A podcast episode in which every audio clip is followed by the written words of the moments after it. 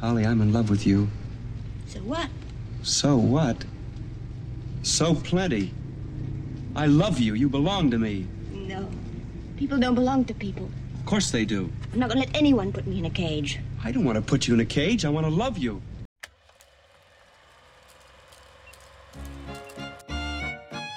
Halo, balik lagi di Senja Gurau episode 3 Kali ini kembali lagi bersama tokoh idola kita-kita semua Mas Anom Danas. Kalau kemarin kita udah seru-seruan ngobrol soal cemilan-cemilan 90-an sama Onal Kali ini kita bahas sesuatu yang beda Sesuatu yang apa ya, yang mungkin lebih laki banget lah.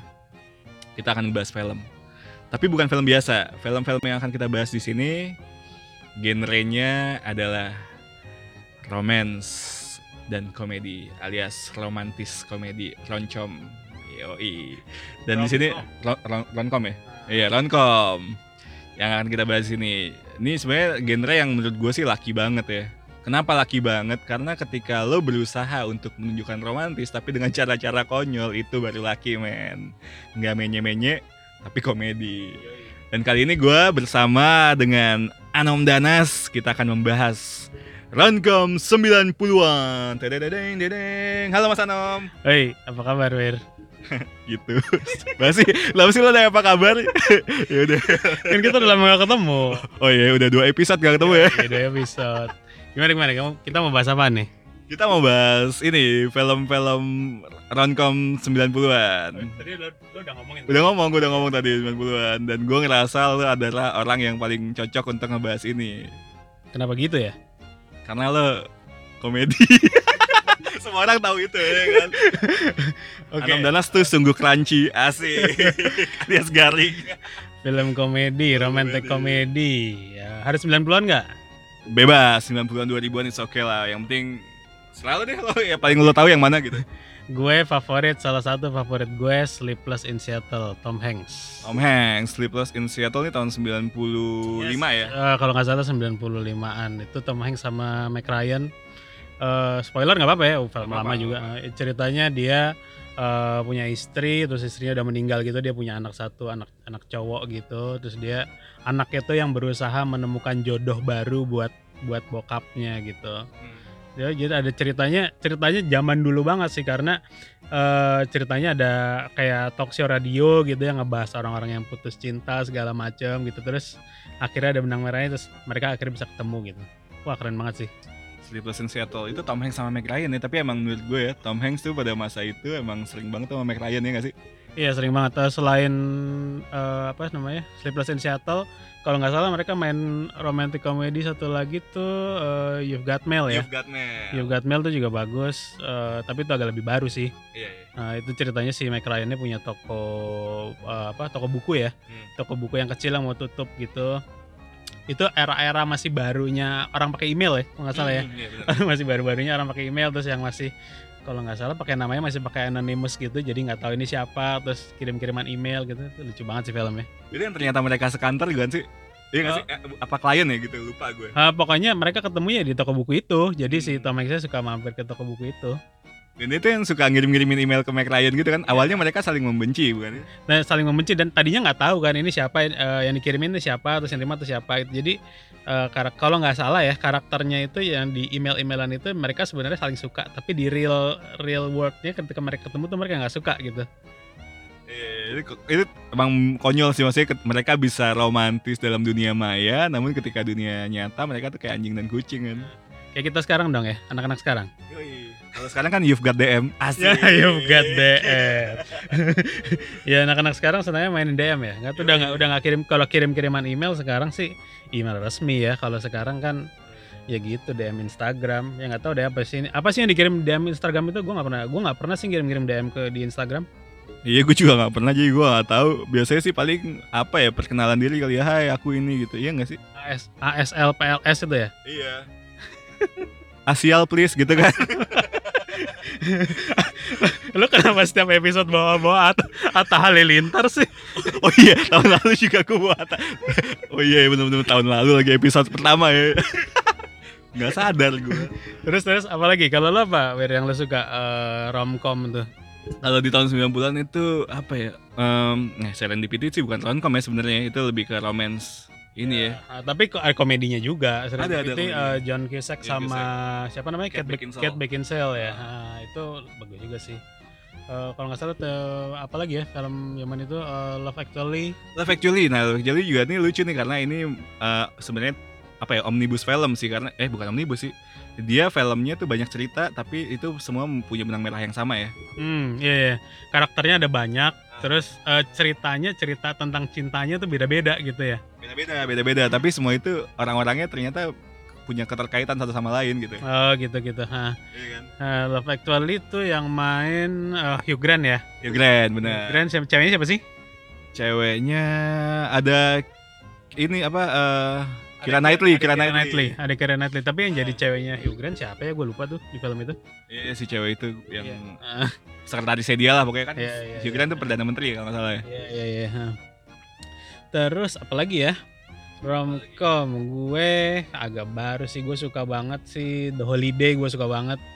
The Holiday itu eh, Cameron Diaz, eh, Jack Black, terus eh, siapa? Siapa kemarin yang jadi musuhnya Captain Marvel tuh? Eh Jude Law Jude Law, Ah, terus Jude Law. satu lagi si ini si siapa? Titanic siapa namanya? Leonardo Bukan yang cewek. eh Kate Winslet Kate Winslet. Eh, itu lucu sih ceritanya. Jadi eh, apa ada yang satu si Cameron Diaz ini tinggalnya di Amerika, yang satu di Inggris di satu pedesaan Inggris gitu. Dua-duanya punya sama-sama punya masalah cinta, putus sama pasangannya masing-masing. Terus abis itu eh, mereka tiba-tiba ketemu di eh, satu website tuh yang eh, penyewaan rumah gitu, penyewaan eh, tempat tinggal. Terus eh, mereka ngobrol-ngobrol dan mereka tukaran rumah gitu lucunya si si Cameron Diaznya eh pindah ke apa Inggris itu banyak masalah di situ banyak masalah lucu-lucu gitu terus si siapa namanya si Kate Winsletnya juga ke Amerika nemuin masalah-masalah di situ tapi dua-duanya bisa ketemu sama pasangan yang yang mereka nggak duga-duga gitu Oh iya, kayak menarik ya. Gue belum nonton sih kalau yang di Holiday ini. oh harus nonton Harus wajib nonton ya? wajib di Netflix ada di Netflix Oh siap siap.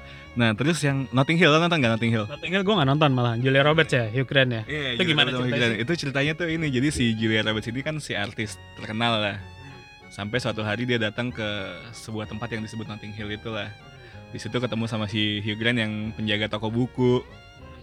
Terus si Hugh Grant ini nggak tahu kalau si Julia Roberts ternyata artis terkenal gitu. Jadi mereka tuh jalan bareng gini-gini. Sampai suatu hari ternyata dia menyadari kalau si Julia Roberts ini artis terkenal dan wah dunia kita berbeda. Aku hanya penjaga toko buku sedangkan kau adalah seorang superstar Terus? gitu terus ya udah tapi ternyata si Julia Roberts ini akhirnya memilih untuk bersama si Hugh Grant karena dia ngerasa mungkin real love gue tuh si Hugh Grant ini gitu walaupun dia seorang penjaga toko buku tapi dia nice banget men dia bisa menghargai gue sebagai seorang wanita gitu sih Woi, keren banget. Ada satu lagi tadi gue kelupaan ngomong soal si Tom Hanks.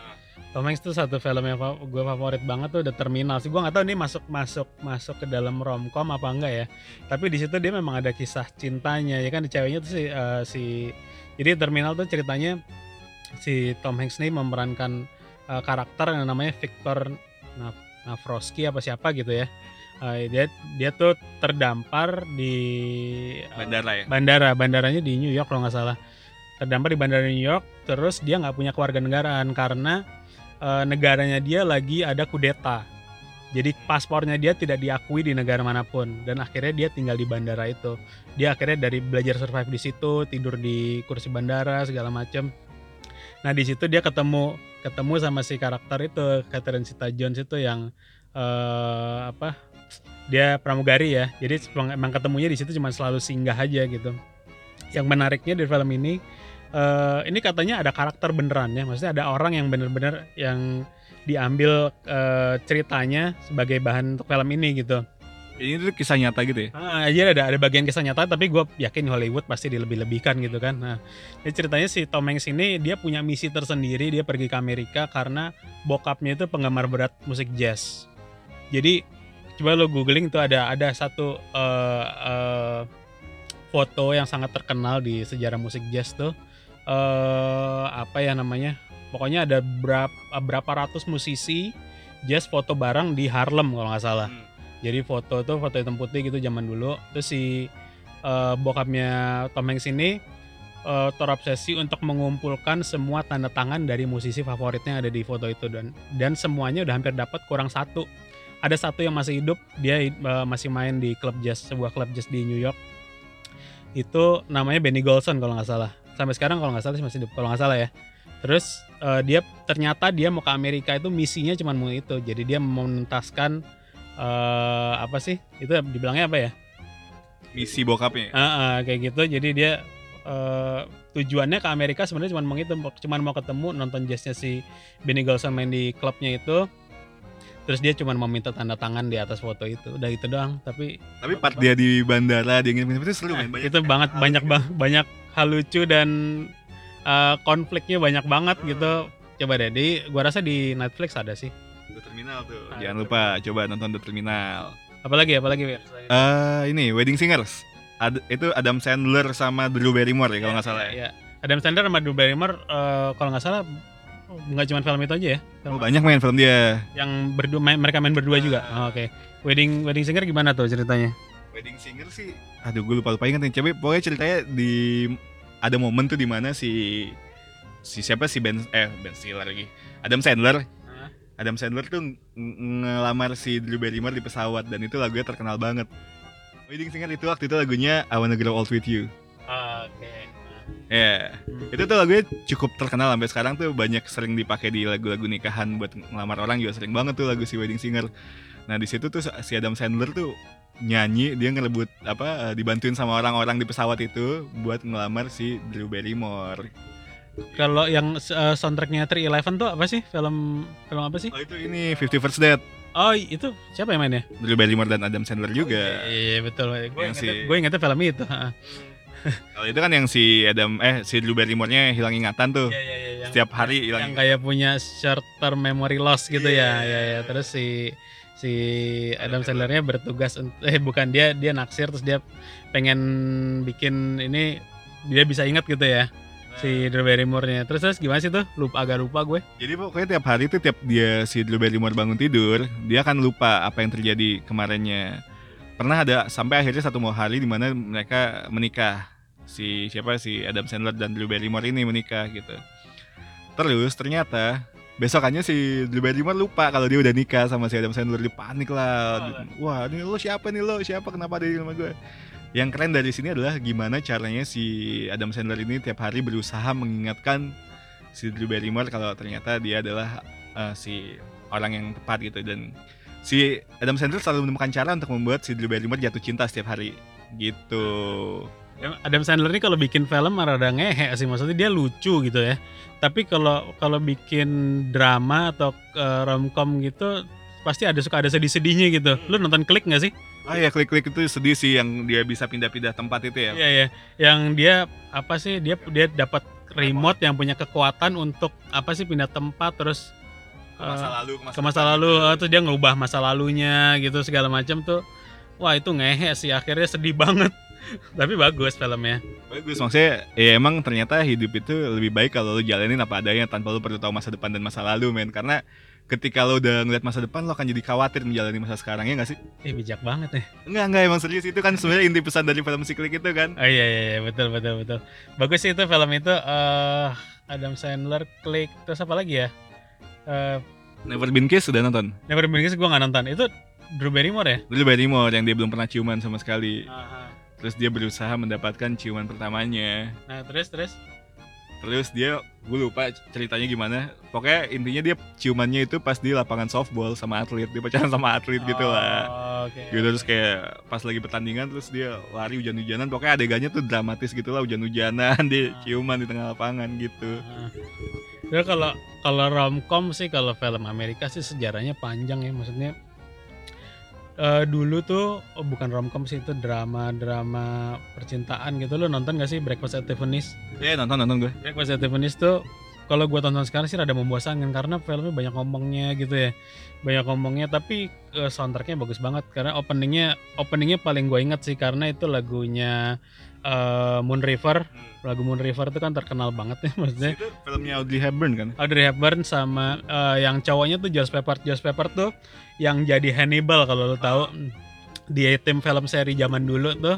Nah itu dia yang jadi cowoknya terus eh si Audrey Hepburn ini eh sorry sorry si Breakfast at Tiffany's ini openingnya pakai eh, lagu Moon River itu keren banget sih scene-nya.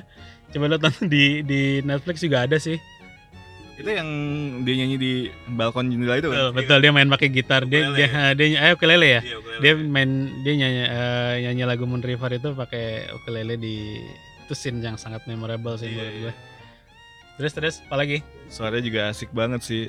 Terus ini Sel eh Shallow Hall tuh film tahun kapan ya? 2000-an ya Shallow Hall. Yang si Eh, Jack Black sama Gwyneth Paltrow ya. Iya. Ah iya iya iya. Eh, itu itu ngehe banget sih itu film ya kan. Itu ceritanya si eh, itu namanya Hall kan situ Ah, si karakternya si Jack itu. Ah, jadi itu dia, dia gimana sih dia memandang selalu memandang eh cewek iya dia selalu dia selalu benci sama cewek dia selalu mencari cewek yang sempurna lah intinya Ah, ah. Terus sampai suatu hari dia nggak bisa dia ngelihat nge- kayak kayak di Dimatis ya. Terus dia bisa ngelihat dia kayaknya nemuin cewek yang kayak sempurna banget padahal kenyataannya orang-orang liatnya enggak gitu kan.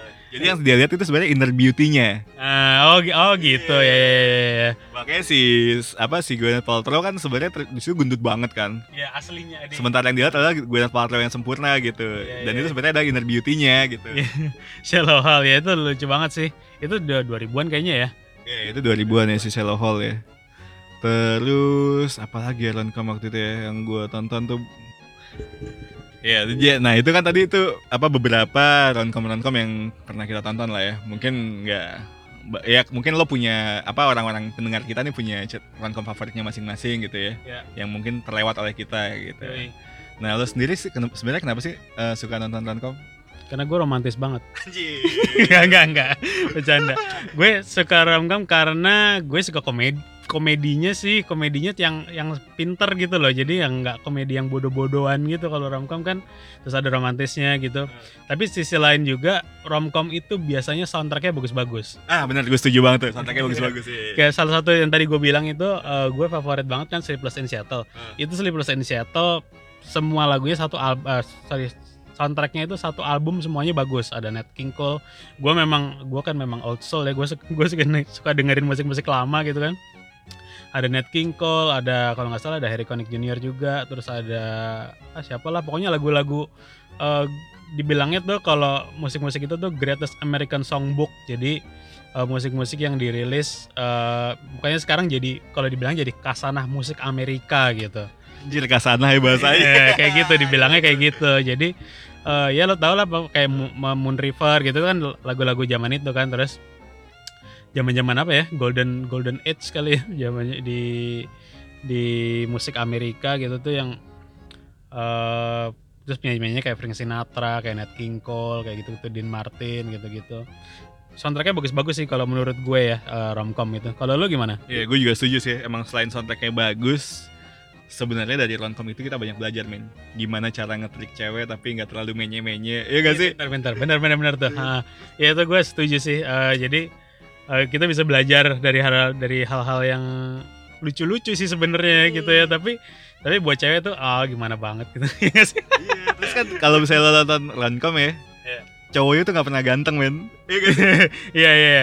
Eh, entah yang biasa aja terus kadang-kadang blow on gitu ya kan. Iya kayak gitu. Cuman mereka tuh selalu punya trik bikin cewek jatuh hati, anjir. Nah itu yang harus kita pelajarin ya nggak? Kita harus bikin dia tertawa agar hatinya terbawa. Yoi gak? Yoi gak? Wah dasar copywriter ya. Itu men. Jadi itu kenapa alasan kita kita ini suka lebih suka roncom. Anjing lebih suka roncom. Film action juga suka gitu ya, Iya. tapi roncom is the best. Yoi. Yoi. Kalau kalian gimana sih? Kalau mau cerita-cerita atau mau apa sih? Mau Hmm, komen? sharing-sharing. Nah, kalau komen bisa di SoundCloud kalau nggak salah. Caranya caranya bisa bisa naruh langsung komen aja. Ya langsung komen aja. Tapi sementara kita masih di Anchor, mudah-mudahan Spotify-nya segera menyusul. Ya, mohon doanya ya. Sama kalau lo punya masukan atau cerita lain yang bisa di-sharing ke kita, lo bisa langsung mention kita. Atau kritikan. Kritikan juga boleh, itu mention ke @sendagurawyuk. Atau bisa juga masing japri ke kita masing-masing asik. Yoi. Kalau kritikan kawan aja, gue nggak terima kritikan. Iya. Pujian bisa ke @wiratliasmara atau @anomdanas. Kalau kritikan ke Onal, eh, DNLWK, WRKT. Kalau kalau kritik ke situ aja, minta giveaway juga ke situ aja semuanya. Pokoknya yang seru-seru itu ke gua sama Anom. gitu. Oke, gitu aja ya eh, episode Yoi. ketiga kita hari ini. Semoga kalian terhibur. Amin. Amin ya. Dan kita bisa terus lanjut podcastan gitu. Yoi, jangan lupa eh, selalu dengerin rutin. Mudah-mudahan kita bisa rilis episode baru setiap minggunya. Yoi, kalau gitu gua Wira dan Anom kita cabut ya undur diri. Oke. Bye. Bye.